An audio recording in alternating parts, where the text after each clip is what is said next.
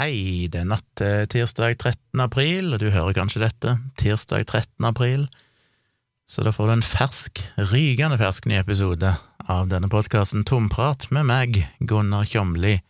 Episode 186 er vi kommet til nå, hvis jeg ikke kødder det til igjen. I denne episoden så er jeg jo bortskjemt, eh, det er egentlig altfor mye å prate om, så jeg måtte bare velge noe. Jeg har fått en del mailer, mange mailer, og det er jo veldig, veldig kult.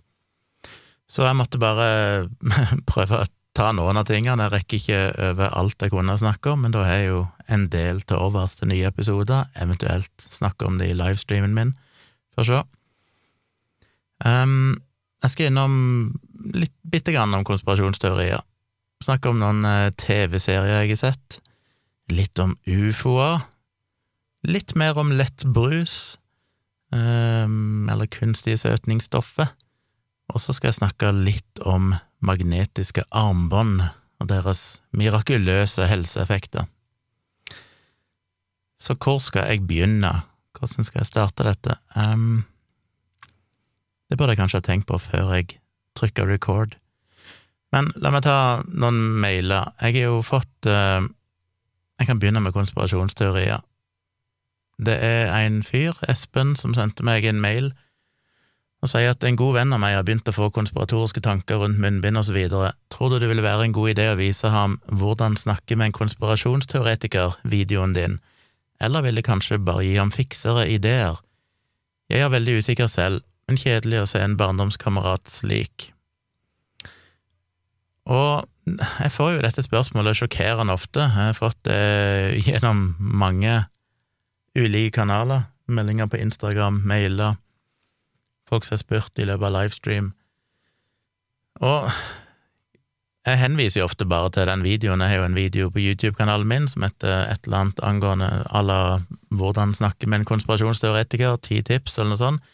Den har jeg jo laga på engelsk, faktisk, den finnes jo både i en norsk og en engelsk versjon, den engelske er vel litt kortere, litt mer konsis. Men ja, det går jo an å, å se på den. Men å vise den til en som allerede tror på en del, eller har noen konspiratoriske ideer Ikke sikkert det nødvendigvis er det lureste. Den er jo mer meint til folk som skal prøve å ta den praten, the talk, prøve å føre en forhåpentligvis konstruktiv dialog. Så hva skal en gjøre? Det er fortvilende. Jeg vet det, jeg jeg er vel såpass heldig, tror jeg, at det er vel ingen i min nære omgangskrets som er hardbarka konspirasjonsteoretikere på noe som helst. Eh, det er jo litt fordi at min omgangskrets er veldig liten. Det er vel kanskje fordi at folk jeg ser eh, begynner å tenke sånn, de trekker meg vel egentlig unna og ikke er superinteressert i å ha så mye med de å gjøre. Så det er vel en slags um, kunstig seleksjon ute og går. Men ja, og det er jo på en måte vært en prosess jeg har vært i flere tider, holdt jeg på å si. Jeg har jo hatt venner som jeg kanskje ikke har sett på som blodkonspirasjonsteoretikere, men jeg merker vel bare fort at hvis ikke de finner det interessant, det som jeg finner interessant, å snakke om vitenskap og sånne ting, så det er ikke noe sånn bevisst valg at oi, han vil jeg ikke treffe mer, eller hun vil jeg ikke snakke med. Det er mer bare at det blir liksom ikke sånn naturlig. Det er jo akkurat som hvis du Du blir jo ikke bestevenner som regel med folk som har totalt andre interesser enn deg, og dere egentlig ikke nødvendigvis har noe til felles. Så det, det har bare blitt sånn. Det er jo selvfølgelig folk Jeg ser jo folk på Facebook, eh, folk som er um, fra hjembygda mi, for eksempel, som skriver rare ting, men det er jo folk jeg aldri har ville hatt noe med å gjøre, ofte fordi de er som regel òg veldig konservative kristne, og det er jo et overlapp ofte mellom å være veldig konservativ kristen og svelge mye rart av konspirasjonsteorier, som jeg òg skal snakke litt om litt seinere, i en annen sammenheng. Eh, men hvordan skal du angripe det? Nei, jeg viser jo igjen til den videoen, jeg vil jo si se den. Det beste tipset, som jeg har sagt mange ganger, er jo dette her med å prøve å ikke være på, på defensiven. Det er ikke du som skal forsvare det som på en måte er vitenskapelig konsensus. Um, for det, det, vil bli Det er jo de færreste i stand til å gjøre. Det krever jo at du setter deg veldig inn i ting og, og kjenner forskningen og Så en måte å møte dette på mer generelt, uten at du nødvendigvis må kjenne detaljene i alt og kunne liksom svare på alle påstander, er jo å heller møte det på offensiven med hvordan vet du det, hvor leste du det, hvor var kilden, har du sjekka kilden til det, har du sjekka Altså bare prøve å stille spørsmål og få deg til å måtte forsvare hvorfor tror de faktisk på dette, og ikke på en måte akseptere noen ting som en sannhet. Eh, og så er det jo utfordringen å gjøre det da kanskje uten å være for konfronterende. Ideelt sett prøve å være genuint nysgjerrig, åpen, og stille de spørsmålene. Så det, det, det, det finner, altså Hadde det vært enkelt, dette her, så hadde vi jo ikke hatt konspirasjonsteoretikere, for de er jo i et veldig lite mindretall og er omgitt av fornuftige mennesker som da sannsynligvis hadde stoppa dette. Men eh, problemet er jo selvfølgelig at eh, alt når du først er sugd inn i det der hullet, så vil jo alle motargumenter bli tolka som en del av konspirasjonen. Det er ikke uten grunn til at jeg er blitt svartmalt som en forferdelig person av de som tror på disse tingene, fordi de har jo på en måte to valg. Enten så må de akseptere de data jeg legger fram når jeg argumenterer for dette i for eksempel bloggposter. La ikke ta vaksiner da, som en stor konspirasjonsteori, antivaksine. Um, enten må de akseptere at ok, det er dette forskningen faktisk viser, eller så må de finne en måte å slippe å forholde seg til det på, og da er det jo selvfølgelig å si at jeg er kjøpt og betalt av legemiddelindustrien, eller et eller annet sånn. Så det blir jo en sånn Det er jo sånn det fungerer når du er i den konspiratoriske verden, du, du slutter å forholde deg til argumenter, du bare prøver å, å finne en måte å for, bortforklare motargumenter og folk som er uenige med deg, med at de har onde hensikter, eller de er kjøpt og betalt, eller de har en eller annen vendetta imot deg og din tru, og det er du som kjenner sannheten, så det må du stå for. Og som jeg har sagt mange ganger, du klarer ikke å overbevise noen på flekken. Målet, det beste en kan håpe på, er jo bare å liksom at de går vekk ifra den samtalen med noen spørsmål i hodet sitt. Noe som kanskje kan være sånn lite frø av usikkerhet, som kanskje får de til å sjekke ting sjøl. For det er jo alt en kan ønske å oppnå, det er jo å få folk til å finne ut av det sjøl, for det er til syvende og sist en sjøl som må endre mening. Um, ja. Så jeg skal ikke si så mye mer om det, for jeg føler jeg snakker veldig mye om det i livestreamene mine, der kommer dette temaet opp gang på gang, og jeg har jo denne videoen der jeg egentlig vel formulerer så godt jeg kan de teknikkene jeg mener en bør bruke. Um, men når det gjelder munnbind spesifikt, så er det interessant, fordi at det er jo en fullstendig legitim debatt rundt munnbind. Liksom, hvor mye hjelper det, hvor stor effekt er det? Dataen der endrer seg jo litt. Først var det jo relativt lite forskning på det, som er litt ironisk, fordi Altså, det kommer jo an på hvem du snakker om, det er ikke noe tvil om at det fungerer. Det er jo en grunn til at helsearbeidere har brukt dette i, i mange tiår, eh, fordi de ser at det fungerer. Um, men det er klart, de bruker det bedre enn den jevne person. De bruker det mer korrekt. Så spørsmålet er jo hvordan funker det for vanlige folk som kanskje ikke bruker de korrekt, og som kanskje bruker ikke-medisinske ikke eller ikke-kirurgiske munnbind, for eksempel tøystoffmunnbind og sånn, har det samme effekten der? Og, så det er mange spørsmål og mye å diskutere rundt det, og det er helt lov å gjøre. Og jeg er jo ikke helt Jeg er jo ikke 100% overbevist om den enorme effekten, jeg heller, selv om det er kommet, det kom senest i dag, en ny artikkel som drøfta dette med at kanskje munnbind i klasserom, for eksempel, ser ut til å ha bedre effekt enn distansering og sånne ting. Så det er liksom nye data litt i begge retninger, jeg bruker det konsekvent fordi jeg føler at jeg i en, som jeg har sagt mange ganger, i en alvorlig situasjon som dette, i en pandemisituasjon, så kan det ikke være opp til den enkelte oss å velge. Da må man være såpass ydmyk at en sier ok, kanskje, kanskje, du er skeptisk til å bruke munnbind, kanskje du tror det ikke har så mye effekt, men hvis du tar feil, så er risikoen for at du skader andre ganske stor. Og da er ikke det en stor pris å betale å faktisk bruke munnbind, ettersom tross alt det er den anbefalingen som er kommet ifra helsemyndighetene. Um, Jeg sier ikke at du skal være 100% servil og bare akseptere alt. Hvis du hadde skada andre mennesker, eller du er helt overbevist om at dette var noe du kunne ja, påføre andre mennesker skade, så går det selvfølgelig an å protestere mot det. Men i dette tilfellet så er det vel vanskelig å argumentere for at det er noen betydelig skade på andre mennesker ved at du bruker munnbind, og da er det noe jeg syns vi skal gjøre. Og ut ifra de dataene jeg har sett så langt, så er jeg nok ganske overbevist om at det har iallfall en effekt. Den effekten er vesentlig større enn null, og da er det jo, er det jo verdt det, så lenge offeret er såpass lite. Eh, så den debatten er jo legitim, og den kommer til å fortsette lenge. Men de mer konspiratoriske tankene om at dette er liksom et eh, maktgrep ifra myndighetene for å undertrykke oss, eller det er farlig å bruke fordi du puster for mye CO2, eller det inneholder farlige stoffer, som er giftig og fører til lungekreft, videre. Eh, som òg er, er legitime spørsmål å stille, men der en òg må akseptere svarene. Og dette har jo vært drøfta, det finnes masse artikler om dette, om hva som er Altså, det finnes munnbind, dårlig produserte munnbind, som kan inneholde farlige stoffer videre, det er jo reelt, men de som er i salg i Norge, skal jo være godkjent, og da ikke farlige, eksempelvis. Så det er legitime spørsmål, men eh, som jeg har sagt mange ganger, en konspirasjonsteoretiker er jo veldig lite interessert i svar på spørsmål, de er mest interessert i å stille spørsmålene for å høres smarte ut og høres kontrære ut og sånn.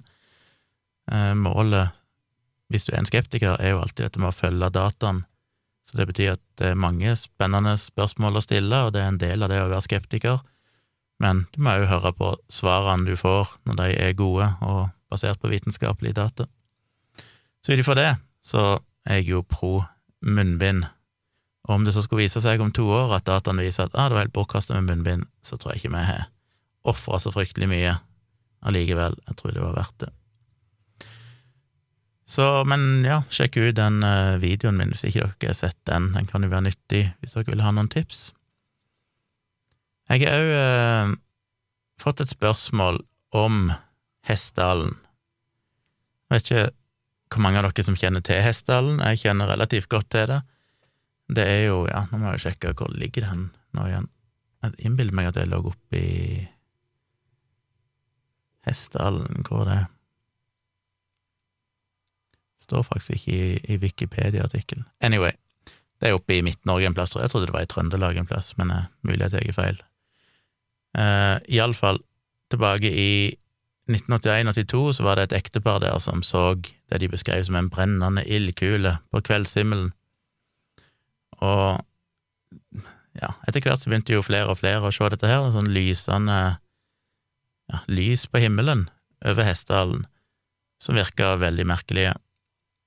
Og det førte jo etter hvert over tid til mye interesse. I 1983 så ble det etablert ei forskergruppe kalt Project Hessdalen, og Høgskolen i Østfold satte opp en automatisk målestasjon i 1998, og i 2004 så ble det montert et kamera deres og en antenne for ultralave frekvenser. I 2016 så bevilga Olav Thon-stiftelsen 1,5 millioner kroner over tre år til Høgskolen i Østfold for å drive med forskning, et studentaktivt forskningsprosjekt. Eh, og Høgskolen i Østfold er faktisk et studieprogram på ti studiepoeng som går ut på feltforskning i Hessdalen. Så det var mye oppmerksomhet rundt dette. Det var jo Siri som sendte meg mailen, hun kom jo fra bortimot akkurat der jeg kom ifra opprinnelig, og hun skriver at jeg vokste opp i eller kan lese om fra starten. Hei, jeg lurte på om du kunne tenke deg å snakke litt om Hessdalen-fenomenet, hva du tenker om det? Jeg synes det er veldig fascinerende, men synd at det tiltrekker seg så mange alternative gærninger. Det er jo seriøse forskere som studerer det, også fra utlandet. Vet du hva de har kommet fram til nå?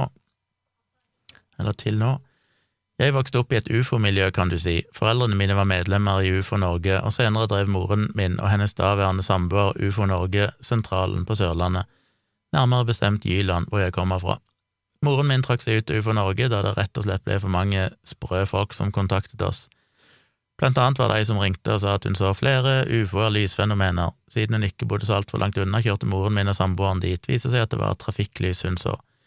Vi fikk også tilsendt metallbiter som person som hadde kommet ut av stortåa og hadde havnet der etter å ha blitt bortført av romvesener. Så jeg vokste opp med mye rart. Og jeg kjenner meg jo igjen i dette, jeg har vel så vidt snakka om de andre sammenhenger, men jeg kjenner jo godt til UFO Norge og alt dette her, fordi eh, Ja, når kan det ha vært? Tidlig på 90-tallet, var det vel? Så så min yngre bror et merkelig lysfenomen. Han var på vei hjem, hvis jeg husker dette riktig. Eh, jeg mener han eh, sto i, i den gata som gjenger nedover mot huset der jeg vokste opp, som er bare et knøttlite byggefelt. Og bak huset så er det en elv, og så er det et jorde, og så er det noen andre byggefelt og veier og greier, men så er det et, et fjell på andre sida igjen. Og jeg mener at over det fjellet cirka, så så han liksom, han så over huset vårt, over hustaket, og så over det fjellet, og der var det et, et merkelig lysfenomen. Jeg husker ikke så mye om det lenger, hva han egentlig så, men det var iallfall et kraftig lys.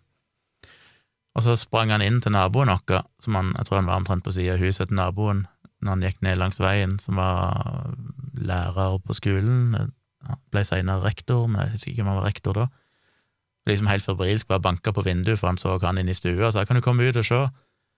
Og da hadde vel han òg kommet ut og verifisert at uh, dette lysfenomenet. Så jeg husker ikke helt gangen i det, men av en eller annen grunn, det ble iallfall meldt inn, muligens direkte til UFO Norge, noen kjente til UFO Norge, og det ble meldt inn der, og så ble jo de superinteresserte som jo kanskje ikke så rart, siden de holdt til på Jyland, som bare er en halvtimes kjøring unna. Så jeg husker jo ganske vagt at i ettertid så ble det gjort en del, ble mye oppstyr om disse ufo-greiene, oppslag i lokalavisen, eh, og så kom jo Ufo Norge. Jeg husker ikke navnet på han fyren, husker ikke hvordan han så ut, men eh, de kom, og de hadde møte, sånn fell, eller sånn, heter det, åpent allmøte, holdt jeg på å si, i Kulturhuset de inviterte til, da de orienterte om UFO Norge, og det ble snakk om dette lysfenomenet og andre sightings som var sett.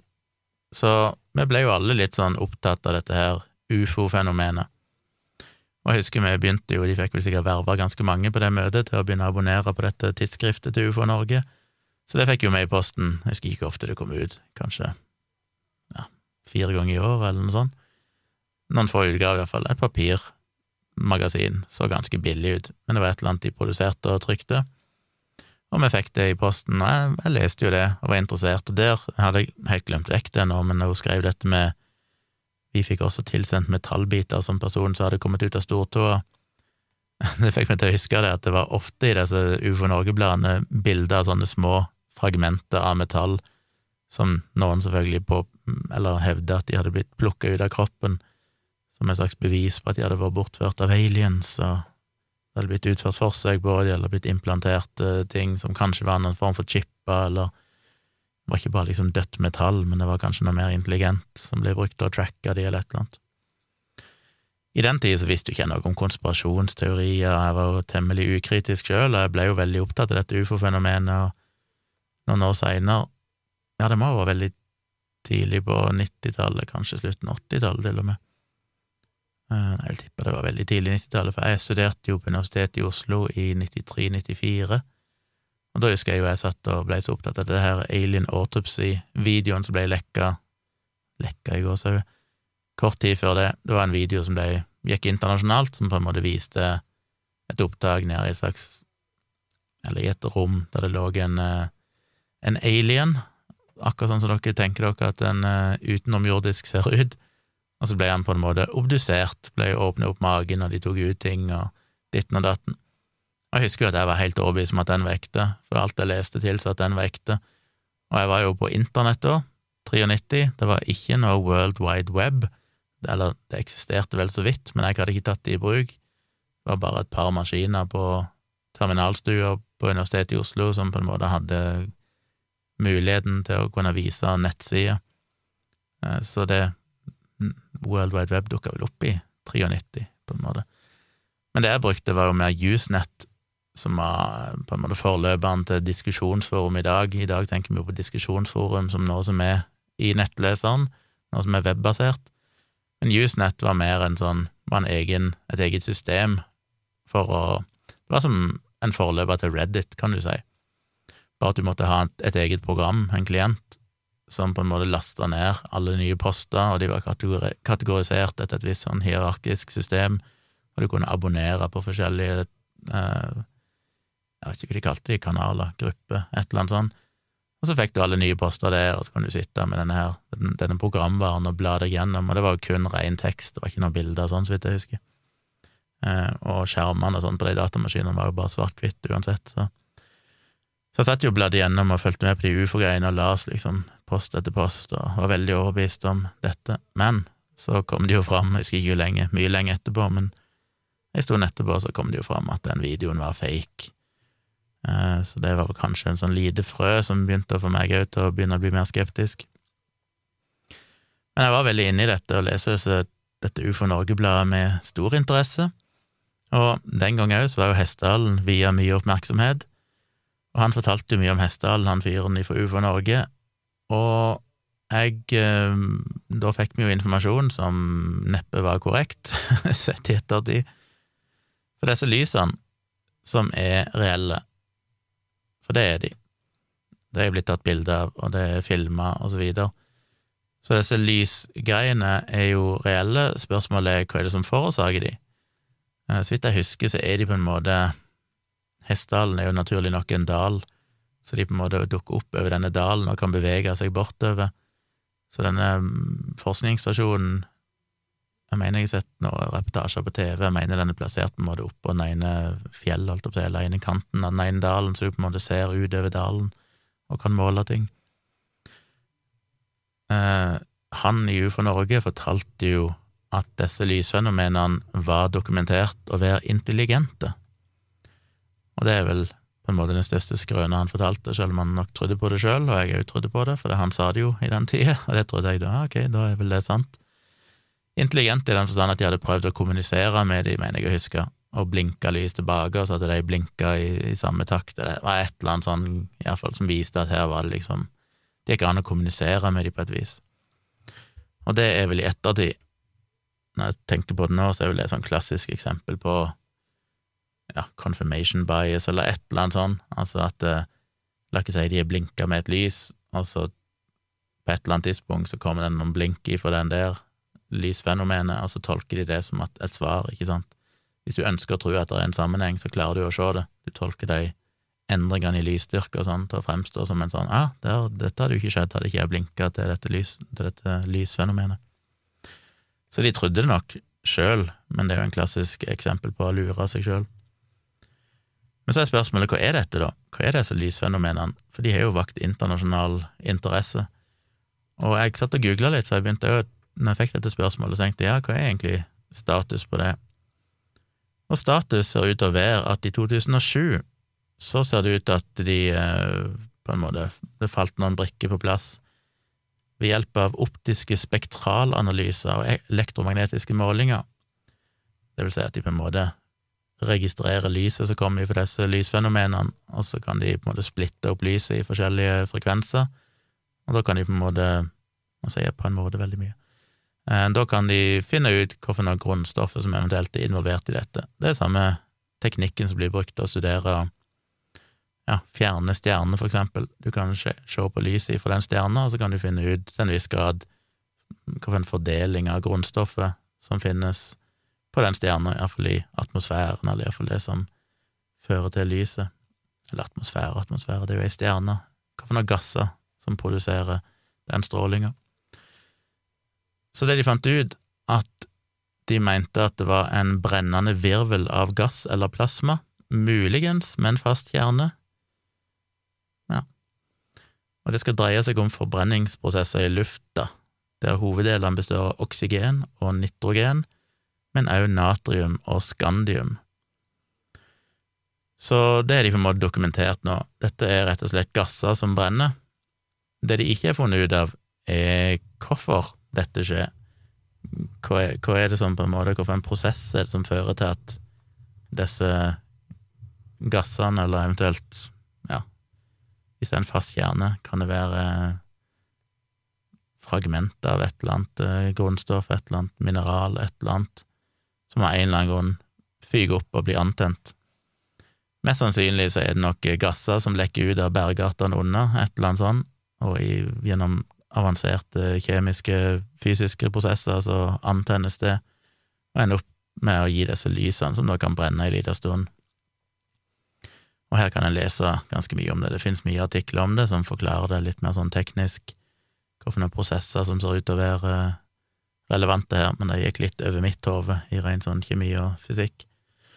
Men det er status i dag. Det som er litt overraskende, er at dette ble oppdaget i 2007, og eh, som sagt, i 2016 så fikk de jo mer penger i Fola Thon-stiftelsen til å forske på dette og sånn, og men jeg har ikke funnet noen ting nytt siden den gang. Det er liksom Alle artiklene jeg finner, sier basically at det er det de har funnet. Men det er jo snart 14 år siden, og de ser ennå ikke ut til å ha på en måte løst gåta om ja, hvor disse gassene kommer ifra, og, og, hvorfor dette faktisk skjer akkurat der. Men det er så vidt, ikke, så vidt jeg vet, så er det ikke eneste plass på jorda, som det står i den Wikipedia-artikkelen, så er det observert tilsvarende fenomener andre plasser på jorda, så, så dette handler nok om spesielle kombinasjoner av um, bergarter, eventuelt gasser som er fanga ned i bergartene, et eller annet sånn, som under spesielle forhold så fører det til, det til sånne virvler av gasser som varmes opp på celleantenner eller et eller annet sånt. Noen kjemiske prosesser. Så iallfall, de har vel eh, funnet ut såpass mye nå som at dette er fullstendig naturlig, som vil være forventa, men det er iallfall greit å ha en forklaring på det. Men hele Hele mysteriet er jo fortsatt ikke løst. Så det er jo interessant forskning. Jeg er litt overrasket over at det skal ta så forbaska lang tid, at de har brukt liksom ja, snart 30 år på dette for å klare å finne ut av det. Kan det være så fuckings vanskelig? Men uh, ok. Men ja, så det var litt om min eh, ufo-historikk og ufo Norge. Vi forlot vel det på 90-tallet, og har ikke sett meg så mye tilbake. Jeg syns jo fortsatt sånne ting er interessant, men eh, det interessante med det er jo å finne ut hva som faktisk er årsaken, heller enn å tenke at dette er aliens, dette er mystisk, eller et eller annet sånt. Så det var litt om Hessdalen. Jeg legger jo som vanlig ved noen linker i shownotes, så dere kan eh, lese mer om det sjøl hvis dere vil. Så har jeg et par ting eh, i samme mailen fra Siri, for det var hun òg som spurte meg om dette med vaksiner og amming tidligere. Og hun eh, spør som et lite tilleggsspørsmål som jeg tenkte jeg kunne ta for å på en måte slutte den sirkelen, holdt jeg på å si, når jeg først var i gang med amming. Hun lurer litt på hvordan det er å drikke Ja, vi tenker jo det er jo mye som inneholder kunstige søtningsstoffer, men som regel så er det jo drikke, da, gjerne lettbrus, som er det mest relevante, eller saft. Og hun skriver de eh, de sier jo at barn under tre år ikke bør få kunstig søtning via drikke, som fører var-regel. FHI. Hvordan er det da når man ammer, er det så lite som går over at det ikke er noe problem? Det var det hun skrev. Så jeg måtte jo sjekke det. Hva er egentlig status med lettbrus og amming? Og lettbrus kan jo være søte av forskjellige ting. Det er jo gjerne aspartam som får bli sett på som den store, stygge ulven, men du har jo andre kunstige søtningsstoffer som sakarin, eh, sykralose, acesulfat K? Herregud, nå husker jeg ikke i farten. Anyway, jeg skrev så mye om dette. Jeg burde lese min egen eh, bloggpost før jeg begynte å, å prate. Men iallfall, det finnes mange forskjellige kunstige søtningsstoffer. Stevia er jo en av de nyere. Og spørsmålet var går det over i, i morsmelke. Og svaret på det er det korte svaret er at uh, det er helt trygt å drikke lettbrus mens du ammer, men det er noen menn. Fordi det er jo flere ting en kan uh, diskutere her. Det ene er jo går disse kunstige søtningsstoffene rett over i brystmelket, sånn at barnet drikker de? Og det varierer litt. Aspartam gjør ikke det. Det blir brutt ned i kroppen nesten umiddelbart, og eh, ja, du klarer ikke å påvise det i brystmelka etterpå. Men andre stoffer, som acesulfam K, sakarin, sykralose og stevia, eller steviol, glykosid, som det heter så fint, eh, kan du måle i morsmelke etterpå. Så for å ta en og en av de sykralose, der har de funnet at mengden sukralose målt i brystmelke kan overstige den mengden med sukralose som du må ha i et produkt for å kunne kjenne søtsmak. Så dette er ikke farlig, de snakker ikke om dette fordi det er skadelig for ungen. Det eneste poenget her er at det kan gjøre morsmelke litt søt, og da er det et åpent spørsmål om eh, det kan påvirke barnets smakspreferanser. Kanskje de venner seg til søt smak, og dermed får eh, en eh, a sweet tooth. Så det er liksom det eneste en kan tenke på. Når det gjelder acesulfam K, hva er det jeg sa, acesulfat? Acesulfam K og sakarin, så kan du òg måle det i brystmelk, men de ser ut til å være i så små mengder at de ikke fører til noen søtsmak det er fortsatt litt usikkert av hvis du får i deg de stoffene sammen med andre stoffer, om de i sum kan føre til at du kan smake noe søtt, eh, og det vet en ikke helt sikkert, og en vet heller ikke om det har noen relevant effekt uansett hos barnet. Og igjen, det er ikke fordi det er farlig på noe selvs vis, det er ikke noe helsefarlig for barnet, men det kan som sagt muligens gjøre melka litt søtere. Og så er det aspartam. Det blir jo brutt ned til fenylalanin, asparginsyre og metanol. Og det eneste de har funnet, er vel at de kunne finne at fenyl, fenylalanin Fenylalanin, herregud, eh, økte. De fant ikke noe asparginsyre og ikke metanol, men fenylalanin-verdiene økte i morsmelket men det var så marginalt at et eh, barn vil naturlig få i seg 79 milligram per kilo kroppsvekt ifra brystvekt Nei, ifra brystvekt Ifra brystmelke. Nei, helt naturlig. Så fenylalanin finnes jo i masse matvarer, og de vil få i seg i snitt 79 milligram per kilo kroppsvekt ifra brystmelk, og hvis du da på en måte makser ut mengden av eh, anbefalt daglig, eller akseptabelt daglig inntak av disse stoffene, så vil kanskje barnet få i seg 0,5 milligram ekstra per kilo kroppsvekt. Så det kan stige fra 79 milligram til 79,5 milligram per kilo kroppsvekt. Så ja, det går over i brystmelke, men det er et stoff som også finnes i brystmelke helt naturlig, så endringen vil ikke ha noen relevant eh, betydning. Når det gjelder aspartam, så blir jo det brutt ned til andre stoffer, og jeg har jo skrevet mye om dette, fordi det er jo det som er så interessant med aspartam, at, og folk ofte glemmer, det at de, dette stoffet blir brutt ned til disse tre bestanddelene fenyl, alanin, asparginsyre og metanol, som vi får i oss ifra fryktelig mange andre matvarer hele tida. Og metanol blir ofte trukket fram. Aspartam blir brutt ned til metanol, og metanol er jo giftig. Ja, metanol i store mengder er jo definitivt ikke så veldig bra, men metanol er noe som finnes i kroppen vår i små mengder, helt naturlig, og de skriver noen sammenligninger her, jeg har jo gjort det mange ganger i bloggen min, for hvis du drikker et glass appelsinjuice eller spiser en banan, så får du i deg mye mer metanol enn du gjør for å drikke et glass eh, Cola Zero. Men her har de brukt noen eksempler, de sier at du får i eh, du får i deg mer enn 1000 milligram, altså et gram, fenylalanin ved å spise 100 gram kyllingfilet. Så det kan jo være greit å huske på. at 1000 milligram fenylalanin ved å spise 100 gram kyllingfilet. Og husk det var snakk om tidligere at eh, barnet får i seg 79 milligram per kilo kroppsvekt, eh, og kan øke med 0,5 milligram hvis du drikker maks mengde med en eh, lettbrus, for eksempel, som er søta med aspartam som da skal komme tilbake til, men maks mengde er jo egentlig over fem liter som du må styrte på ett øyeblikk for å kunne øke mengden fenylalanin i morsmelket med 0,5 milligram. Så det vil altså være under en prosentøkning eh, av eh, mengden barna får i seg.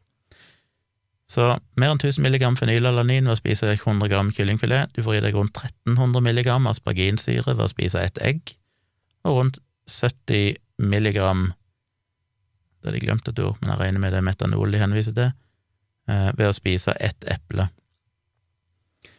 Eh, og som sagt, det var 22 milligram metanol hvis du drikker en halv liter lettbrus, så du frir deg omtrent nesten eh, ja, litt mer enn tre ganger så mye ved å spise et eple som du frir deg ved å drikke en halv liter lettbrus.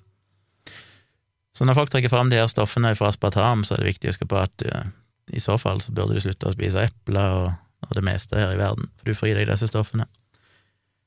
Så konklusjonen er nei, det er ikke farlig å drikke. Et annet problem er jo likevel at drikker du for eksempel mye Cola Zero, så er det jo koffein i det, og det skal en kanskje være litt forsiktig med, for det kan gå over i morsmelke.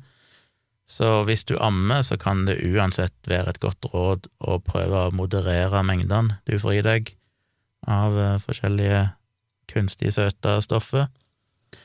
Men eh, generelt sett så er ikke dette noe stort problem. Så skriver de litt om lovlige mengder det vil si akseptabelt daglig inntak, hvor mye du kan få i deg. Og hvis du er en person på 70 kilo, som altså er den norske gjennomsnittspersonen, voksen person, så kan du få i deg eh, Så kan du drikke 1,8 liter lettbrus med tanke på acesulfam K. Acesulfam K finnes jo veldig ofte i kombinasjon med aspartam, så hvis det er for eksempel Cola Zero, som er søta med aspartam, det er jo søta med acesulfam K, de to blir gjerne brukt i, i kombinasjon. For å overskride, overskride akseptabel daglig mengde med aspartam, så må du drikke 4,7 liter lettbrus, men som de sier at uh, Dette er jo hvis Cola Zero hadde inneholdt en maksimalt lovlig mengden med aspartam, og det gjør det ikke. Så det er fortsatt en sikkerhetsmargin der på at det du inntar, faktisk ikke inneholder så mye som du teknisk sett har lov å putte i. Så de sier ifølge Mattilsynet, så Nei, ikke ifølge Mattilsynet, men derfor, selv om det står 4,7 liter, i praksis må du drikke mer enn 5 liter, fordi de ligger litt under maksgrensa. Sakarin 3,5 liter, sukralose 3,5 liter og stevia glykosid, eller stevia, 3,5 liter. Og det er ikke inntak over en hel dag, fordi at dette brytes ned veldig fort i kroppen.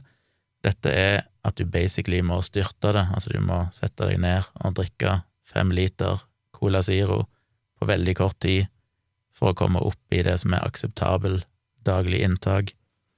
Og akseptabelt daglig inntak, det er på en måte den mengden du kan få i deg før det fører til noen helseskade.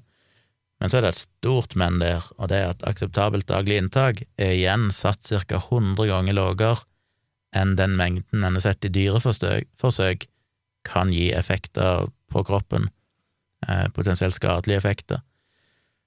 Så teknisk sett skal du komme opp i de verdiene som det faktisk er dokumentert helseeffekter av, så måtte du ha drukket 500 liter med Cola Ziro på styrten, og da hadde du jo daua av væskeoverskudd eller for mye vann. Uh, uansett, jeg skrev i en bloggpost en gang der jeg sa nettopp det, at uh, rent vann er giftigere enn uh, Cola Ziro eller noe sånt.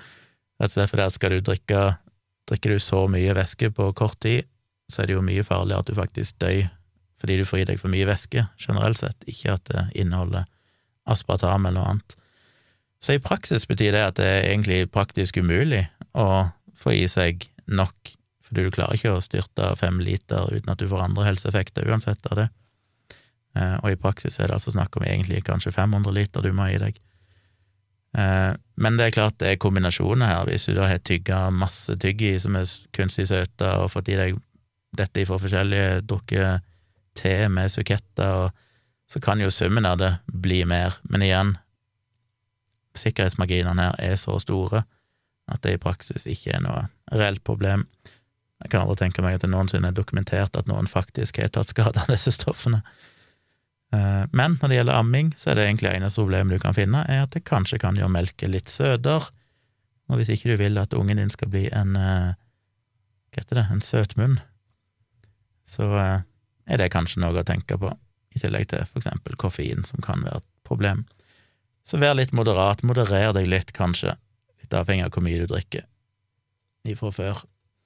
Men angående kunstig søtningsstoffer, så fikk jeg òg en uh, mail ifra en uh, Håkon, som henviste meg til en artikkel på forskning.no, som ble publisert ja, 24. mars, ikke så lenge siden, Eh, tre uker siden snart, som er basert på en studie som kom et par måneder før det igjen, så vidt jeg fant ut. Men denne tittelen Lettbrus kan gi flere antibiotikaresistente bakterier i tarmen. Med ingressen En ny laboratoriestudie har funnet sammenheng mellom kunstig søtstoff og økning av antibiotikaresistente bakterier i tarmen. Eh, Når jeg googler dette, så finner jeg artikler som sier at you can become uh, resistant to antibiotics uh, by drinking artificial sweetened bla, bla. Og det er den klassiske Nei, det er ikke du som blir antibiotikaresistent, det er bakteriene som blir det. Viktig å huske på at det er en forskjell der. Men denne studien så hadde de altså sjekka Hvor var det? Står ikke det skrevet her? Um, mm, mm, mm, de er ikke ja, iallfall de fire mest vanlige kunstige søtningsstoffene, så det var aspartam, sakarin, sukralose og et eller annet elegant, eh, og testa det, men dette ble altså gjort i et laboratorieforsøk, det vil basically si ja, petriskåler, at de har, har bakterier i petriskåler eller et eller annet sånt, og utføre studier på dem. Så det, poenget er at det er ikke studier, det er ikke noe som er blitt sjekka hos verken dyr eller mennesker for å se om denne effekten er der. Men det de fant, var at hvis du påførte mye av disse kunstige søtningsstoffene, så førte det til en større utveksling av gener mellom bakteriene. Så det vil si at hvis noen bakterier da har blitt antibiotikaresistente, det vil si at gjennom evolusjon, eh, tilpasning, så har versjoner av bakteriene som ser ut til å være resistente, som altså antibiotikaene ikke virker på, de overlever jo, og så begynner de å dele seg, og så blir det flere av de, og til slutt så kan du risikere å ha bare bakterier som ikke antibiotikaene biter på lenger, og da har du et problem med å helbrede ganske banale ting som infeksjoner og sånn, som normalt er helt ufarlig, men så kan det bli et problem hvis du plutselig ikke kan bruke antibiotika. Så det de fant, var at det var større grad av utveksling av gener når de ble utsatt for kunstig søtningsstoffer, og det mente de da kanskje kan være en driver til at hvis det er mange mennesker, og det er det jo, som drikker mye brus med kunstig søtningsstoffer, så kan det gi grobunn for at antibiotikaresistens utvikler seg fortere hos disse individene, og det kan bidra til dette problemet med antibiotikaresistens i verden, i verdens befolkning. Så hva skal jeg si til det? Det er en studie som er publisert i tidsskriftet Nature, og det er jo et særdeles solid tidsskrift, så da må man jo anta at det er en god studie. Men jeg kikka litt på den. Jeg kikka litt på originalstudien. Den er såpass avansert at det går langt over mitt hode. Veldig ofte så kan jeg lese studier og stort sett forstå veldig mye av det som står der, men i denne så er det så mye sære begreper og sånn at det er jo ikke sjans å skjønne. Men allikevel, og det er jo på en måte min takeaway-poeng her, selv om det kan være vanskelig for oss som ikke er trent i dette faget, å forstå detaljene i det som står, så er det fortsatt gøy å leke litt detektiv og bare se, og det jeg beit meg merke i, var at de skriver i introduksjonsdelen, der de på en måte skal presentere problemstillingen og si hvorfor de vil forske på dette her, hvorfor de har gjennomført denne studien, så skriver de eh, Hvor var den? Der. Although non-nutritive, altså kunstig søtningsstoff som ikke har noen ernæringsverdi, Although non-nutritive sweeteners have been developed to allow individuals to avoid the negative effects related to common sugars, a few commonly used non-nutritive sweeteners have recently been associated with health risks. For instance, in vitro tests, og in vitro det er altså studier som er gjort i laboratoriet, det er ikke på dyr og mennesker, men bare i petriskåler, for å si det litt enkelt. In vitro tests demonstrated that non-nutritive sweeteners saccharin, sucralose, and aspartame can induce the formation of urinary bladder tumors. Og da tenkte jeg, hæ? Er det liksom dokumentert at disse kunstige søtningsstoffene kan føre til kreft i urinblæra? Så da måtte jeg sjekke kilden, og så researcha jeg litt videre, og så finner jeg ut at eh, det er jo bare bullshit. Eh, jo, de viser til en studie ifra De var den kom? 2008, som mente at de fant det, men så er jo det blitt fulgt opp i seinere studier, og konklusjonen nå er at eh, de finner absolutt ingen sammenheng mellom disse kunstige søtningsstoffene og noen former for kreft i mennesker eller dyr. Så fortsetter de. In addition, non-nutritive sweeteners are associated with the occurrence of glucose intolerance, which is thought to occur through alterations in the gut microbiota. Igjen så tenkte jeg hm, er det det? Dette har jeg skrevet mye om. Så jeg sjekka kilden igjen, og oppdaga at den eh, er jo en av de tingene jeg snakka om tidligere, i forrige episode, og lenka til en bloggpost jeg hadde skrevet om det. Eh, og konklusjonen der er at eh, nei, mest sannsynlig ikke. Det er en god studie som ble gjennomført tilbake i var det 2014? Ja, 2014.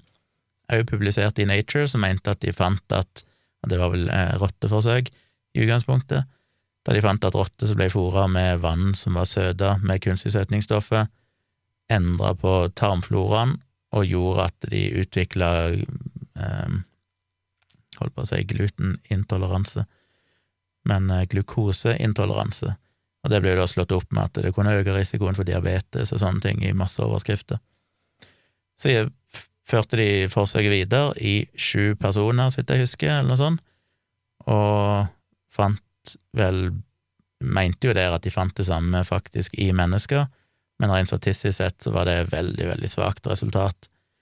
Og så kan du sette det opp mot minst to veldig store epidemiologiske studier som er sett på tusenvis på tusenvis av mennesker i befolkningen, og kartlagt liksom graden av inntak av eh, kalorier generelt sett og kunstig søtningsstoffer, og risikoen for glukoseintoleranse eller diabetes, og der finner de ingen sammenheng. Så de store epidemiologiske studiene ser ut til å stille en del sterkere enn de sju personene de testa dette på. Så skriver de videre and there is evidence that uh, saccharine, sucralose and aspartame and alpha-sulfame potassium, altså, altså sulfam K, cause DNA damage in bacteria. Som òg høres skummelt ut, for å skade DNA i bakterier kan jo lede tankene til at det kan skade DNA i menneskeceller, som jo er forløperen til kreft, eller årsaken til kreft. Så da måtte jeg jo sjekke det òg, og der er det òg gjennomført, for der viser de til et par studier fra 2004 og 2008. Men siden den gang så er det òg gjort mye studier på dette, og konklusjonene i alle artiklene jeg finner, er at de finner absolutt ikke den effekten. Eh, og som jeg sa tidligere, det er studert veldig nøye om disse stoffene kan føre til kreft, og det gjør det heller ikke. Så det gjør det jo litt interessant Hvorfor velger de å trekke fram tre påstander om at disse kunstige søtningsstoffene er farlige, og liksom er, det er allerede dokumentert helseskader ved dem, og viser til tre eksempler som alle bare er bullshit? Eh, det er vel ikke teknisk sett feil, jeg, jeg, kan ikke noe om dette, jeg er jo ikke noen akademiker. Jeg er litt usikker på hvordan fagfellevurdering fungerer. Det er klart, påstandene er jo korrekte ut ifra de kildene de viser til, men det er litt rart for meg at sånt slipper gjennom en fagfellevurdering uten at det blir påpekt at men bør dere kan, ikke kanskje òg da vise til senere forskning som sier at dette faktisk ikke ser ut til å være sant allikevel? For det svekker jo hele premisset for hvorfor i all verden de på en måte skal gude og sjekke dette her, eh, selv om det teknisk sett ikke er noen direkte relevans til det resultatet de fant. Så det syns jeg er litt interessant, det er jo noe å ta med seg, som jeg tenker at forskning.no òg kanskje burde ha skrevet noe om, at at uh, det er på en måte to røde flagg her. Det ene er jo at de av en eller annen merkelig grunn da på en måte demoniserer kunstig søtningsstoffet i introduksjonen til artikkelen, basert på forferdelig dårlig grunnlag, og at de velger kun kunstig søtningsstoffer som er i gåsehud syntetiske eller farlige kjemikalier, som mange ser på de, men de tar ikke med for eksempel stevia, som gjerne mange tror at er så fryktelig mye bedre, selv om grenser for, som jeg sa tidligere, grenser for akseptabelt daglig inntak av stevia er jo faktisk lavere enn for aspartam. Uh, uten at det trenger å si så mye, men, uh, men ja, hvorfor valgte de ikke et i gåsehud naturlig stoff, selv om den steviaen som blir brukt, er vel også syntetisk i praksis? Hvorfor valgte de ikke det? Er litt usikker. Det, det, det, du får liksom en følelse av at dette er noen som i utgangspunktet skal vise at det er problematisk med kunstig søtningsstoff, så Så jeg vet ikke. Men mer overordna, og som òg forskning.no påpeker når du kommer helt til slutten av artikkelen, for sånn er det jo gjerne, at de viktige nyanseringene kommer helt på slutten, så det er viktig å ikke bare lese overskriften, så er det jo at dette igjen er en laboratoriestudie. Det er ikke vist at dette faktisk er reelt i mennesker, så her må det mer forskning til. Så om noen år så vet vi kanskje mer om dette, og da kan det vise seg å være relevant og interessant, men ut ifra den studien her alene så vet vi jo ingenting. Dette er jo mest av alt omtrent en hypotesedannende studie, selv om det er en hypotese de tester allerede, men det åpner jo opp for en ny hypotese, at dette faktisk er relevant i magen til mennesker. For det er jo det som går igjen i mange av disse tingene. De forsker på ernæring, det er jo det at én ting. Jeg har jo brukt det som eksempel mange ganger i bloggen min, at hvis du studerer kaffe, for eksempel, så inneholder kaffe flere tusen kjemikalier, der flere hundre av de, så vidt jeg vet, er dokumentert kreftfremkallende. Så burde det ikke da være fryktelig farlig å drikke kaffe? i? Og det viser seg jo at det er det ikke. Det er gjort mye forskning på det over mange år, siden verden drikker mye kaffe, og det er interessant å vite. Og konklusjonen, sånn grovt sett, hvis jeg husker, er at eh, de finner vel ikke at kaffe er assosiert med noen økt risiko for kreft, men at det tvert imot kanskje kan begrense risikoen for enkelte typer kreft. Eh, og det er jo litt sånn kontraintuitivt når det helt åpenbart inneholder en del kjemikalier som er kreftfremkallende. Men det viser jo nettopp hvor stor forskjell det er på det jeg kaller for mikroeffekter og makroeffekter. På mikronivå så kan du argumentere for at kaffe inneholder dette kjemikaliet, og det er blitt vist i studier å kunne gi kreft, ergo er kaffe kreftfremkallende.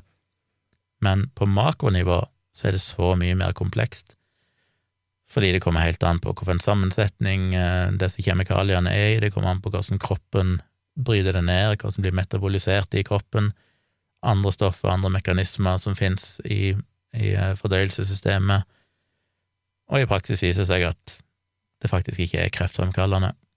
Så handler det jo selvfølgelig om doser, ikke minst, hvor mye får du faktisk i deg. Så det er jo det samme her, at selv om du kan påvise noe i et laboratorium, så trenger det på ingen selvs måte å være sånn når det kommer i kroppen.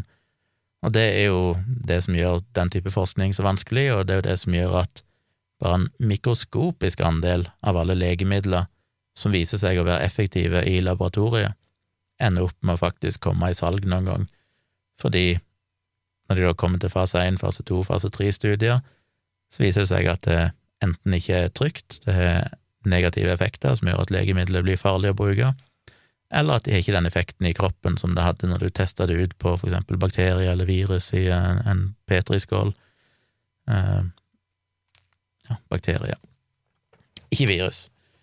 I en petriskål. Fordi det er så mye mer komplekst, det som skjer i kroppen. Så det er viktig å huske på. Jeg skrev om det i placebo-defekten, jeg husker ikke helt andelen nå. Jeg mener at det var Ja, det er veldig lite. Jeg har tallet 8 i hodet av en eller annen grunn, som jeg tror Jeg syns jeg så det på Twitter nylig òg, at noen nevnte åtte prosent av alle legemidler som kommer, det er vel av de som kommer langt nok til at de faktisk blir med i forsøk i det hele tatt, ender opp med å vise seg å kunne brukes til slutt. Men hvis du tar alle eh, si, kjemikalier som de tester som legemidler på et veldig tidlig stadium, så mener jeg at det er langt under, jeg tror det var nede i en promille eller noe sånt av alle de stoffene som de ser at oi, her kan det være potensial, ender opp med å faktisk bli til et legemiddel til slutt. Som er jo litt av grunnen til at det er kostbart for legemiddelfirmaene å utvikle disse medisinene, fordi at det er så ufattelig mange blindveier å gå før du kommer fram til noe som faktisk ender opp med å virke. Så konklusjonen med denne studien er jo at er interessant, eh, litt skeptisk, fordi det virker som at de prøver å demonisere Altså, de, de er jo ikke kildekritiske nok i innledninga her, og de hevder at disse stoffene har farlige effekter, som det jo faktisk ikke har. Og det er kun en laboratoriestudie, så time will show om det faktisk har noen relevans i praksis. Så det var det jeg hadde å si om den. Uh, ja, altså bare en, en, ekstra liten ting som er interessant, det er bare at de fire kunstige søtningsstoffene de testa, er jo fire helt forskjellige molekyler. Og det er jo noen som har stilt spørsmål med det, at uh, hva er logikken på en måte i at disse fire helt forskjellige molekylene skulle ha samme identiske effekt på disse bakteriene. Um, ja. er noe å ta med seg. Et siste spørsmål jeg fikk, handler om magnetiske armbånd. Og da er det en som heter Bjørn, som skriver, og jeg eh, har en autom automatikk på at jeg filtrerer vekk alle rosende ord fra mailene, for det er så kleint å lese opp, men det han skriver som er faktisk poenget, er at han fikk tilsendt en link fra en kompis. Han mener dette kan kurere alt av plager og smerter, og for han er ikke dette lenger en teori, men ren fakta. Han er så skråsikker at jeg ikke kan argumentere mot ham. Har du noen kjennskap til disse, og fungerer de slik som de som selger påstår? Og det korte svaret er nei, det gjør de på ingen slags måte. Det han henviser til, er noen armbånd som eh, blir solgt under merkevarenavnet High Five Time. High, altså tallet fem, altså time. Og det er jo et studium i svada å lese den nettsida. Jeg har nesten ikke lyst til å lenke til den i shownotes, for at jeg ikke lyst til å reklamere for dem, så dere kan finne det sjøl på High Five Time. Alt er skrevet med bokstaver, ingen tall, altså. .co, ikke kom, men co. Highfivetime.co. Og der viser de mange flotte armbånd. Jeg må jo si jeg liker designet på de. Jeg kunne jo ha bestilt noen av de sjøl, bare for jeg syns de var kule, spesielt de, det er noen svarte noen her, jeg syns de ser kule ut. Så jeg liker de jo som et rent smykke, så syns jeg de er kule. Men så kommer de jo til Hva er det de skriver? De har, dette er noen metallarmbånd som har noen sånne magneter på innsida som skal ha et magnetfelt på 3000 gauss bekjemper betennelse i hele kroppen og oksidativ stress for å hjelpe, reduserer smerter og ubehag, forny felles mobilitet. Altså, dette her er sånn Google Translate-side. det er så mye rar norsk her. Forny felles mobilitet. Hva i all verden er det som er stått på engelsk der, jeg? Forbedre fordøyelses-, immun- og hjernehelsen, gi antibakteriell effekt. Så skriver de litt om bare magnetisk terapi, som jo òg er et studium i Svada. Magnetfeltterapi bruker forskjellige typer magneter på kroppen for å forbedre blodstrømmen og sirkulasjonen. I det tredje århundret etter Kristus behandlet grekerne leddgikt med magneter. Og det er jo sånn, jeg synes det er interessant, det minner meg litt om det i forrige episode, med han som diktet opp denne her falske dietten, og brukte forskjellige metoder, og han brukte jo det, som jeg sa, dette her med å appellere til den romantiske fortida, der alt var så mye renere og bedre og sunnere, så det å si at i det tredje århundret etter Kristus behandlet grekerne leddgikt med magneter, det er sånn Ja, hvis det hadde funka, så hadde vi nok fortsatt gjort det i dag. Eh, grunnen til at vi ikke gjør det i dag, er jo at siden den gang så har vi jo funnet ut at det går an å teste sånne ting på kontrollert vis, og hvis ikke det virker, så pleier vi faktisk å fase det ut. Så det at de brukte det for eh, 1700 år siden, men ikke i dag, er jo et tegn på at det neppe funka så veldig godt da heller men de hadde jo ikke så mye alternativer. Videre, under den amerikanske borgerkrigen brukte noen magnetiske hårbørster, skosåler, salver og magnetpyntede klær for å behandle sykdommer av mange typer. Og igjen, dette var før vi oppdaga eh, kontrollerte studier og så videre, så jeg tror ikke de gikk så veldig bra med disse folkene. Um, det er en grunn til at ikke vi gjør dette nå lenger. Og videre, den nyeste forskningen bekrefter at magnetisme har en veldig betydelig biologisk effekt på mennesker. Eh, nei, det er ren løgn, den nyeste forskningen viser at det ikke har det. Og til slutt, for å få alle fordelene med magneter må de imidlertid kombineres med de rette komplementære elementene, og der er det jo sales pitchen, for det finnes jo tusenvis av sånne armbånd i salg, så det er liksom, hvorfor skal du kjøpe akkurat High Five Time? Jo, fordi de har de rette komplementære elementene det er viktig, det er jo ingen av de andre produsentene oppdaga. Videre nedover så skriver de kraftig magnetfelt hjelper til med å bekjempe blodstasis og svingninger i blodtrykk. Nei, det gjør de ikke. Og så kommer det ei lang liste med punkter. Fremmer kardiohelse. Eh, og de er så spesifikke av og til. Det er lang, langt infrarød igjen Google Translate, forbedrer kardiovaskulær helse, det øker produksjonen av nitrogenoksid, et viktig signalmolekyl som er avgjørende for blodkarene. Dette molekylet forhindrer at blod koagulerer og klumper seg i karene. Det bekjemper også frie radikaler og forhindrer dermed oksidativ stress og regulerer blodtrykket. Nei, nei og nei gjør ingen av tingene. Um, jeg har jo sett denne påstanden mange ganger før i andre sammenhenger. Jeg har muligens blogga om det, vil jeg tro, tidligere.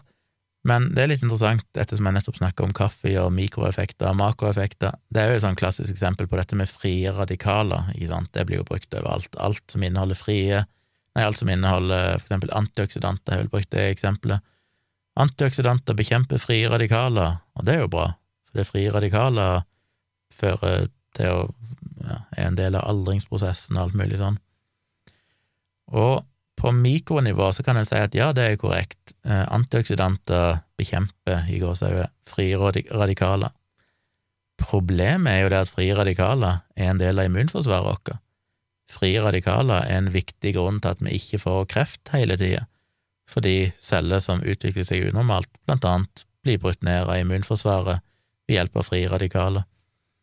Så den ideen om at hvis du bare får liksom bekjempe alle frie radikaler, så er det så bra Nei, det kan faktisk gjøre vondt verre, og det er jo kreftforskere som har antyda at kanskje det med å ta kosttilskudd med mye antioksidanter kan øke risikoen for kreft, nettopp fordi du bekjemper frie radikaler og dermed svekker immunforsvaret på et område som gjør at kreft lettere kan vokse.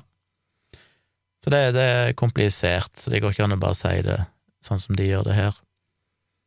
Øke energinivået ditt, snu aldringsprosessen. De snur den rett og slett, så du blir yngre dag for dag hvis du bruker Hvis jeg hadde begynt å bruke disse, så ville jeg kanskje om 40 eh, år være en baby igjen. Jeg vet ikke om jeg egentlig ønsker det heller. Eh, forbedre immunforsvaret, selvfølgelig. Det må en jo alltid ha med. Hjelpe deg med å sove bedre. Og da henviser vi selvfølgelig til pinealkjertelen, som jo er favorittkjertelen til alternative folk. Den er jo i dyp kontakt med universet og eh, diverse frekvenser og energier, så øker utholdenhet, stimulerer vekttap og støtter hjernehelse, faktisk. Det, det er gunstige effekter på kognitiv helse. Ja, så det er ikke måte på. Det, jeg skjønner jo han her kompisen til han som sendte mailen, at han, hvis han tror på dette her, så virker det jo som at det faktisk hjelper mot det meste. Du blir eh, Du ser yngre ut, du sover bedre, du får bedre utholdenhet, du blir slankere, du får bedre kognitive evner, du får mer energi, og du får bedre hjerte, så hva mer kan en be om enn det? Og ikke minst så er det unisex, elegant og justerbart. Ja, som sagt, jeg syns de ser ganske kule ut, men det er jo noen eh, Ja, om ikke du har fått nok røde flagg allerede, så er det flere. Jeg ser jo sånne ting som de skriver Få prøveperioden på 30 dager. Prøv det, og hvis du ikke føler noen forskjell, vil vi refundere pengene dine. Det har ingen risiko. Og så i mye mindre skrift under. Tilbudet gjelder for alle kunder med diagnosen revmatoid artritt. Alle andre kunder kan returnere sine bestillinger i samsvar med vår returpolicy. Så måtte jeg lese denne returpolicyen, og den er jo så kompleks, men jeg beit meg merke i noe av det mest interessante, at eh, hvis du returnerer produktet, som du bare kan gjøre innen sju dager, ikke 30 dager, ifølge returpolicyen, eh, det står ingenting der om revmatoid artritt noe sted i returpolicyen, og den står på engelsk, så gudene vet. Men der, eh, og merkelig nok, hvis du går inn og kjøper et av produktene og kommer til betalingssida, så står det igjen at du har 30 dagers returrett uten noen spørsmål, og får tilbake pengene, som er noe helt annet enn det som står i den faktiske returpolicyen, der det står at du har sju dager på deg, og du får ikke dekka kostnader med frakt, og du får ikke tilbake fem euro, nei, fem dollar eller euro, som de trekker ifra for betalingsgebyr og noe sånne greier, så veldig mye motstridende informasjon. Men eneste eh, de aksepterer kun en retur hvis du ikke har brukt produktet. Så du kan altså prøve det, og hvis ikke du føler noen forskjell, så kan du refundere det, eller vil du få refundert pengene. Men du får bare refundert pengene hvis ikke du har prøvd produktet, hvis ikke du har hatt det på deg. Så det gjør det jo litt vanskelig, hele greia. Og så er det interessant å se lenger nede, så er det jo selvfølgelig masse anekdoter, da, sånn folk som har prøvd dette og syns det er helt fantastisk.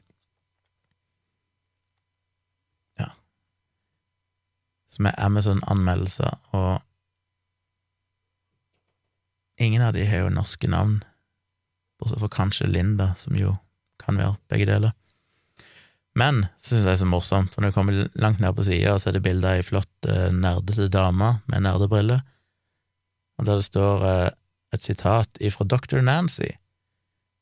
Hun kom med et sitat og sier at dette er så fantastisk produkt, og det er ikke måte på, det er i, i tråd med all vitenskap og sånn, dette virker. Så står det en forklaring av hvem Dr. Nancy er. Dr. Nancy har en doktorgrad i rehabiliteringsterapi og helsevitenskap. Hun har utført klinisk forskning og praktisert terapeutisk behandling i offentlig og privat sektor ved sykehus og rehabiliteringssentre i Florida og California.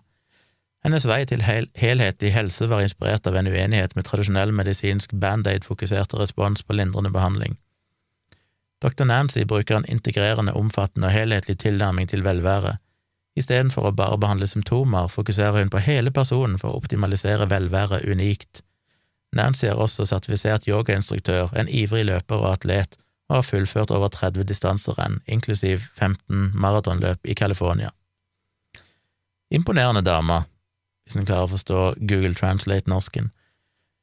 Men hva mener denne dr. Nancy? Så hvis en gjør et revers bildesøk på bildet av henne, så finner en jo, som dere sikkert ikke blir veldig overraska av å høre, at dette er et sånn stockphoto. Dr. Nancy er en modell som figurerer i fryktelig mange bilder, Det, du skal se gjerne litt nerdete og sciency ut. Så bildet er nå iallfall ikke av Dr. Nancy. Så prøvde jeg å google Dr. Nancy, eh, og da fant jeg selvfølgelig mange Dr. Nancyer. Jeg prøvde å google det i sammenheng med magnetiske armbånd eller high five time. Jeg fant ingen referanser til Dr. Nancy kombinert med high five time som søkeord. Eh, jeg fant en del i kombinasjon med magnetiske armbånd, men da var det forskjellige Dr. Nancy overalt, og forskjellige etternavn, og det var bare all slags mulige artikler som ikke hadde noe med dette produktet å gjøre.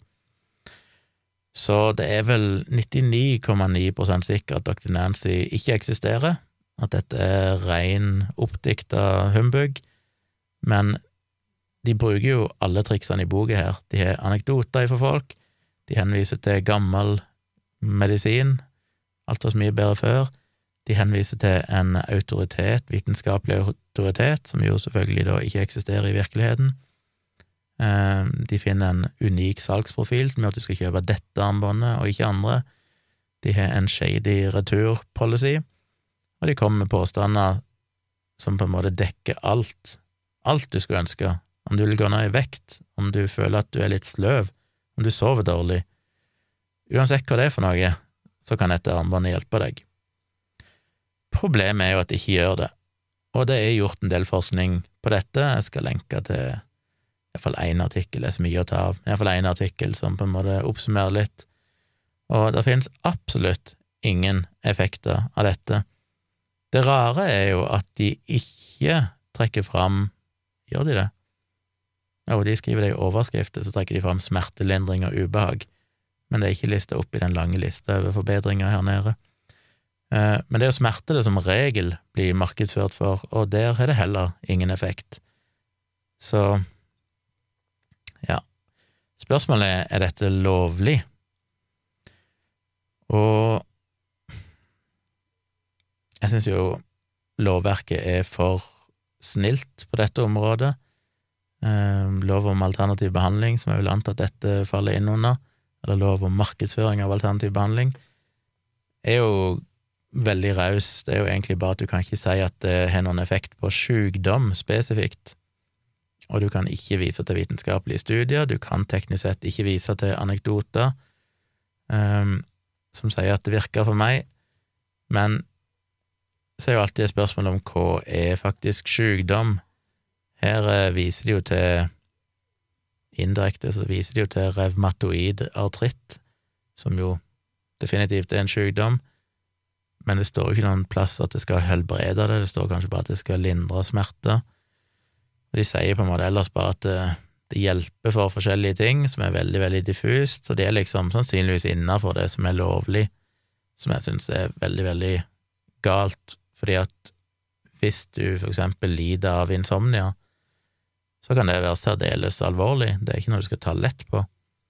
Eh, hvis du er bekymra for hjertehelse, spesielt hvis du faktisk har hatt et hjerteinfarkt, eller du har hatt et eller annet faktisk problem, og leser dette med at det skal forhindre blodpropp og alt mulig rart.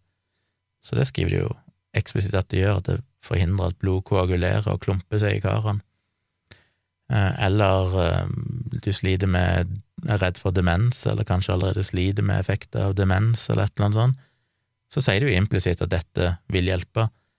Så jeg mener jo at teknisk sett, hvis du leser dette med øynene til en person som har en faktisk sykdom, som faller inn under noen av de tingene de beskriver her, så er jo dette direkte påstand om at dette vil hjelpe, og det gjør det ikke, det er ren løgn. Men siden ikke de skriver at det vil helbrede noen ting spesifikt, så er det på en måte lovlig. Og jeg syns det er for Jeg syns vi er for snilt lovverk på det feltet der. Um, men det er jo alltid vanskelig, fordi at uh, hvis en begynner å bli for streng, så blir det jo omtrent Ikke at det egentlig er noe galt med det, men da rammer det jo nesten alt av sånn kosmetikk og hudpleieprodukter og sjampo og tannkrem og sånn òg. For de markedsfører seg jo òg med samme, mye av de samme påstandene som ikke er evidensbaserte, men så lenge de ikke snakker om sykdom spesifikt, så er det liksom innafor. Jeg skulle jo ønske at det egentlig ikke var lov å drive og og komme med påstander som det rett og ikke er dekning for i vitenskapen, iallfall ikke hvis det er sånn relativt konklusivt påvist at det ikke er sant. Men det blir jo fort en slippery slope, at hvor, hvor setter du grensene da for hva som skal være lov? Siden basically alt du kjøper, har jo et snev av uh, lureri i seg. Så sånn er det nå, og sånn må det kanskje være, men så det var en liten gjennomgang av dette armbåndet. Jeg skal se om jeg finner om jeg ikke blogga om det tidligere, og i så fall legger jeg ved en link. Hvis ikke, så legger jeg ved noe annet. Men jeg håper det var et svar til Bjørn som sendte meg mail. Eh, det vil sikkert ikke overbevise hans kompis, men hvis du snakker med han, så kan du jo påpeke sånne ting som at to Dr. Nancy ikke fins, og du kan vise han den artikkelen som har forska sett på effekten av magnetiske armbånd. Du kan jo kanskje trekke fram at de påstandene de kommer med, med bekjemping av frie radikaler og sånne ting, ikke på noen slags måte er nødvendigvis en god ting, de, eller ut ifra måten de skriver det på. Eh, så skriver de jo selvfølgelig òg at det skiller ut giftstoffer og sånn av kroppen, den klassiske detoxinga som er Ja, det, det er bare sånn De hevder det løser et problem som ikke eksisterer i utgangspunktet. Så så om det har noen effekt på han, det vet jeg ikke, men vil folk føle at det hjelper de? Ja, mange vil det. Det er definitivt en placeboeffekt knytta til sånne ting. Det å ha på seg et armbånd som du kjenner, en konstant påminnelse om at du har et eller annet der, du har tro på det, vil helt åpenbart kunne hjelpe for noen få. Husk på placeboeffekten, selv om man er reell og kan være veldig kraftig i noen spesielle sammenhenger, så er det jo bare noen veldig få som egentlig merker noe særlig til det og det kan variere veldig fra omtrent fra månefase til månefase, hvor du eventuelt merker. Det, det, det er jo ren psykologi eh, som kan ha effekter på kroppen, som jeg skriver mye om i placebo-defekten. Så kropp og syke henger jo sammen.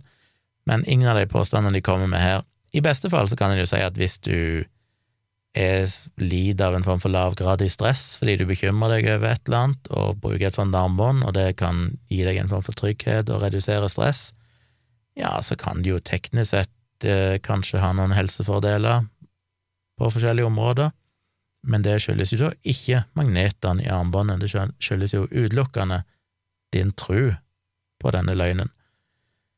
Og om det er noe du kan selge, det syns jeg jo ikke, men eh, sånn sett så kan jo Bjørn fortelle sin venn at ja, eventuelle positive effekter som ikke er, uri, ikke er umulig at noen kan oppleve, er da kun knytta til placeboeffekt, og ikke faktiske magneter. Jeg er så lei av magneter. Magneter i så mange tiår, og sannsynligvis hundre år, er blitt brukt som sånn mirakelkur, og hver gang en forsker på det og tester det, så finner en jo at uh, dette faktisk ikke er, er noe i det.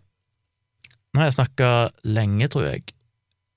Det blir en lang episode. Veldig ja, kan ikke si så mye, det blir altfor langt, men eh, la meg bare si at jeg anbefaler på det sterkeste en serie som heter Them, eh, som går på Amazon Prime.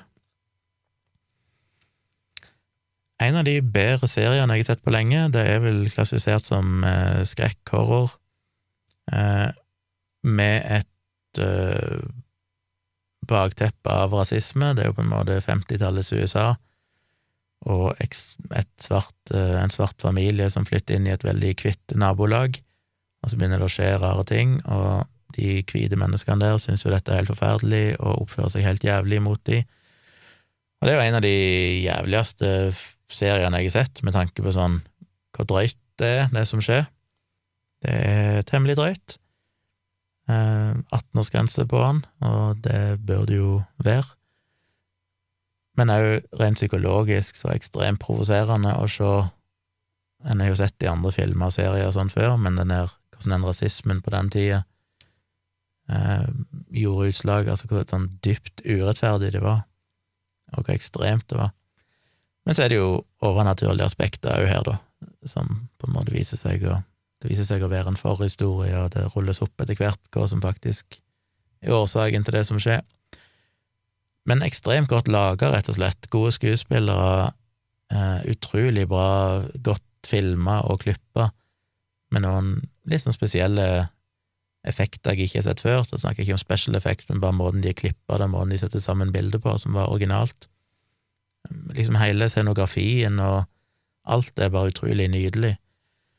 Eh, så hvis du har tilgang på Amazon Prime Det er Amazon Prime, er det ikke det? Må bare dobbeltsjekke så jeg ikke sier feil her. Ja, Amazon Prime. Hvis du har den, så vil jeg definitivt anbefale å sjekke ut den serien. Og så har jeg jo nettopp sett ferdig uh, den Knutby-dokumentaren, som jeg nevnte tidligere, som finnes både i en engelsk og i en norsk versjon, som er litt interessant. Den ligger ute altså i to versjoner, en engelsk og en norsk versjon. Det er ikke bare sånn at du kan skru på engelsk tale. Men han heter Pray, Obey, Kill. På norsk heter han I blind tro, eller Knutby i blind tro, som jeg synes var interessant. Det er jo en interessant sak, den Knutby-saken. Dokumentaren er ikke verdens beste, men interessant nok, og jeg syns han ble spesielt interessant helt på slutten. Eh, første episode er jo interessant, for da får du se opptak og høre nødsamtaler og alt det som skjedde. Det er jo alltid gøy å få ting fra virkeligheten. Og så er det noen episoder der de driver med å intervjuer og, og gransker hva som egentlig har skjedd, men helt på slutten, i episode fem og seks, spesielt episode seks, så dykker de jo litt mer ned i denne sekta og hva som faktisk foregikk der, utover bare dette, disse drapene. Um, og det syns jeg er interessant, og kunne sikkert ranta lenge om med hvordan sånne sekter, uansett hvilken sekt du snakker om, om det er Nexium, eller om det er scientologene, eller Så er det de samme mekanismene som blir brukt. Det er liksom Du har en sterk leder som etter hvert sørger for å ha litt dritt på alle. De får de til å gjøre ting som de på en måte skammer seg over og er usikre på om egentlig var rett, men som ingen andre vet enn lederen som fikk de til å gjøre det, og den personen, og da kan du på en måte til slutt spille alle som marionettdukker, fordi alle er livredde for at sannheten skal komme ut, og så må de på en måte være trofaste mot lederen, så ikke lederen skal avsløre noe. Og dette med at du på en måte trekker de så vekk fra omverdenen at de ikke noe Selv om ting kan begynne å bli jævlig der de er, så er alternativet verre, fordi de har mista vennene sine, de har mista familie, de har liksom ingenting å gå tilbake til. Eh, det er så interessant å se, og så er det jo alltid sex. Det, det, blir jo alltid brukt som et middel i alle disse her uh, sektene, virker det som. Interessant å se om det er noen sekter der det ikke ender opp med at det bare form for seksuelle overgrep eller seksuelt maktmisbruk på noe vis. Det virker jo som å være en fellesnevner. Ja, mange interessante ting. Jeg skal ikke si for mye om det, dere vil sikkert se den hvis ikke dere har sett den, eller dere vil kanskje se den hvis dere har tilgang på HBO Nordic der den går. Eh, det er jo ikke noe som jeg kan spoile så mye i den forstand, det er jo en gammel sak. Men det eneste jeg stiller spørsmål med, er jo at det kommer jo på en måte fram på slutten at alle, mange av de som var deltakere der før, står jo fram nå ikke sant, og tar mer avstand fra det, for denne Knutby-sekta ble jo oppløst i 2016 eller et eller annet sånt. Eh, dette drapet som det handler om, skjedde jo i 2004. Så det varte jo noen år etterpå. Men til slutt gikk det i oppløsning, og da begynte jo sannheten å komme fram om hva som egentlig hadde foregått der. Og så hevder jo alle at de var så hjernevaska at uh, de trodde jo at hun Åsa Waldau, som dere kanskje har lest om, hvis dere fulgte med i media i den tid det pågikk, som da ble kalt for Kristi brud, fordi hun helt genuint på en måte trodd, vil tro hun trodde det sjøl, at hun var en utvalgte, hun var liksom bare ett takk ifra Gud, hun skulle gifte seg med Jesus når han kom tilbake igjen, og alle så jo på hun som tilnærma det samme som Gud, og hun snakka direkte med Gud, og hun skulle gifte seg med Jesus, og hun var liksom bare helt overnaturlig, så hun hadde jo en enorm makt, og det fikk jo folk til å å gjøre ting som de i dag ikke kan skjønne at de kunne tro eller gjøre. Og det skjønner jeg jo, men til syvende og sist så hadde jo disse folkene et valg, og jeg føler at alle er litt sånn ja, men jeg var hjernevaska, men det er sånn ja, og jeg skjønner at dette er komplekst, og jeg skjønner at i de rette, jeg har jo snakka om det før, at i de rette omstendighetene så kan alle, tror jeg, bli en drapsmann, fordi den frie viljen er jo i veldig stor grad påvirka av utrolig mange faktorer som gjør at det som kan føles 100 rett i et øyeblikk, eh, sett eh, ifra et annet synspunkt på ingen måte, er det. Så jeg skjønner at det, jeg skal ikke avfeie det heller, jeg skjønner at ja, de var faktisk hjernevaska, og det fikk de til å tro og gjøre ting som de ellers ikke ville gjort. Men hvorfor ble de hjernevaska? Og det er jo litt interessant. Jeg syns jo de snakker for lite Eller det er ikke noen grunn kanskje til at de skal snakke om det i dokumentaren, men det er jo ikke tilfeldig at disse menneskene ender opp i den sekta, og fellesnevneren er jo religion. Og jeg har jo snakka litt om det tidligere, at, uh, at i denne episoden òg Konservative kristne har jo en tendens til å gjerne bli fanga i andre konspirasjonsteorier og bli involvert i pyramidespill og alt mulig rart. Og hvorfor gjør de det?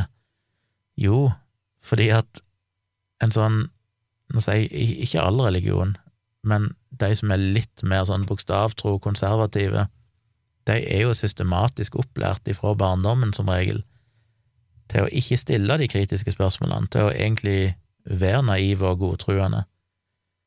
Eh, at det å være kritisk, spesielt til en åndelig leder, er jo per definisjon synd og du kan ikke gjøre det. Og som jeg skriver om i placebo-defekten, så mener jeg òg at det kanskje finnes kjemiske, sånn hjernekjemi og sånn, som kanskje genetiske årsaker, som gjør at de ser sammenhenger som ikke egentlig er der, og sånne ting, som gjør at de fort kan bli dratt inn i konspirasjonsteorier òg, for dette er de samme mekanismene som gjelder, enten du tror du får svar på dine bønner, eller du tror at uh, forskjellige konspirasjoner er reelle. Men jeg skulle ønske at det ble adressert mer at ja, ok, de var kanskje hjernevaska, men grunnen til at de endte opp der, er jo fordi de faktisk var eh, truende fra starten. Jeg vil tro mange av de fortsatt er truende, altså troende.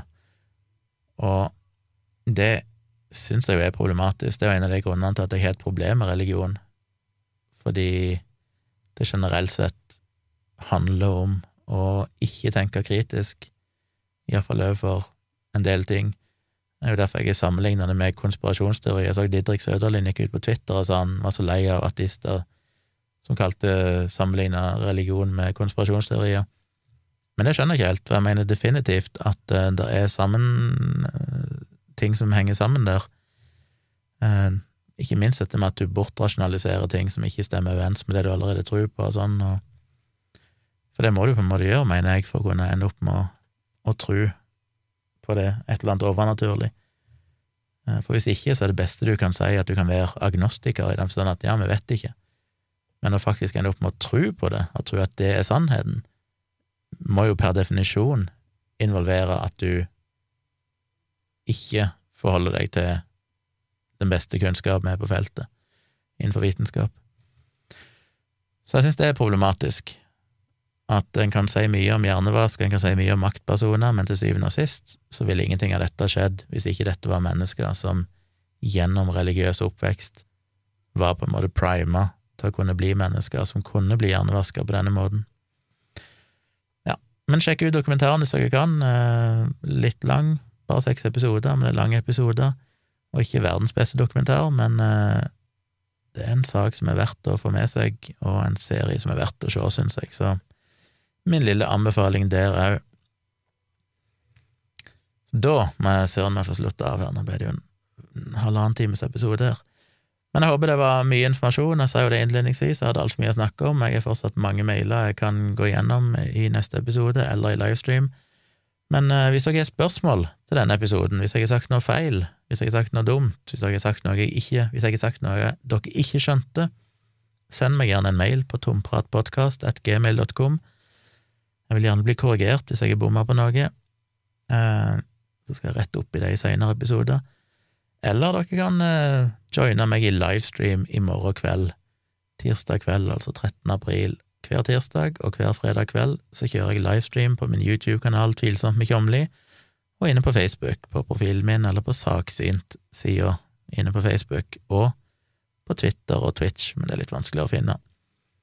Så følg gjerne livestreamen, jeg begynner sikkert ti eller elleve normalt, eh, og der går det an å stille meg spørsmål, så kan jeg òg svare på det. Den livestreamen er jo ment som en sånn liten tillegg til podkasten. Podkasten heter jo Tomprat, og livestreamen heter Tomprat live.